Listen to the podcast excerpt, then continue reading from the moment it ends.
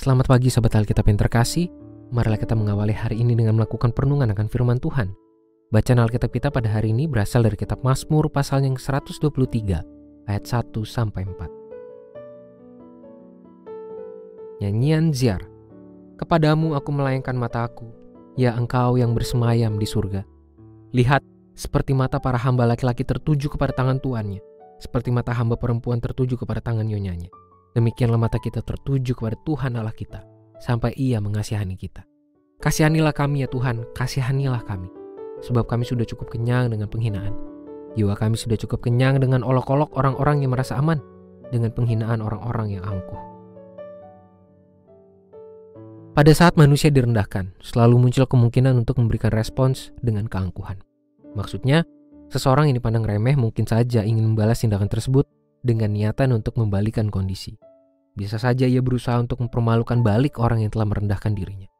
Bagi sebagian orang, tindakan semacam ini mungkin dianggap wajar. Namun sebagai umat Tuhan, kita tidak dapat dengan sembarang dan begitu saja membiarkan diri terhanyut oleh keangkuhan melawan kepongahan. Syair pemazmur di dalam pasal ini tergolong unik dengan kemunculan aspek kerendahan hati.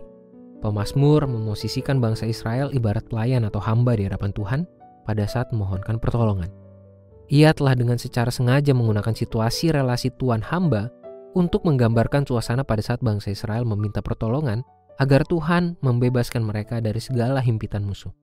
Padahal, sebagai bangsa yang hidup dalam ikatan perjanjian dengan Tuhan, sudah tentu mereka akan terus berada dalam jaminan perlindungannya. Meski demikian, syair ini telah menunjukkan betapa pentingnya mengandalkan Tuhan dalam kerendahan hati. Jangan sampai kita menggunakan iman untuk membalas kesombongan dan kepongahan orang lain – Alih-alih memohon pertolongan Tuhan, kita justru menuntut Tuhan untuk membalas perilaku orang lain yang telah semena-mena terhadap kita dengan cara-cara yang kita inginkan. Kita perlu begitu waspada terkait hal ini, karena merasa dibela akan sangat mudah membuat kita seperti di atas angin. Terlebih lagi sebagai umat yang dilindungi Tuhan, kita tentu mengimani bahwa Tuhan tidak pernah berdiam membiarkan kita hanyut di tengah mara dan ditelan oleh ketidakadilan. Namun hal ini tidak berarti kita berhak membalas semua perilaku yang penuh kesemena-menaan dengan kecongkakan beriman. Oleh sebab itu, sebagai umat Tuhan, kita perlu mengandalkan Tuhan dalam kerendahan hati agar sikap permohonan tidak berubah menjadi paksaan. Marilah kita berdoa.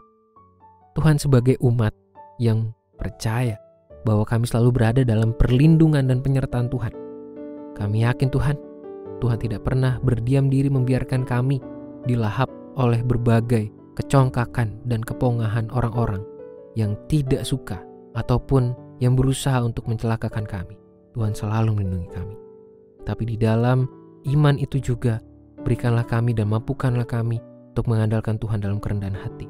Sehingga kami justru tidak berubah menjadi congkak, tapi kami benar-benar mengandalkan Tuhan dalam kerendahan hati untuk siap menerima cara Tuhan dalam menolong kami. Hanya dalam nama Tuhan kami Yesus Kristus kami berdoa menyerahkan kehidupan kami. Amin.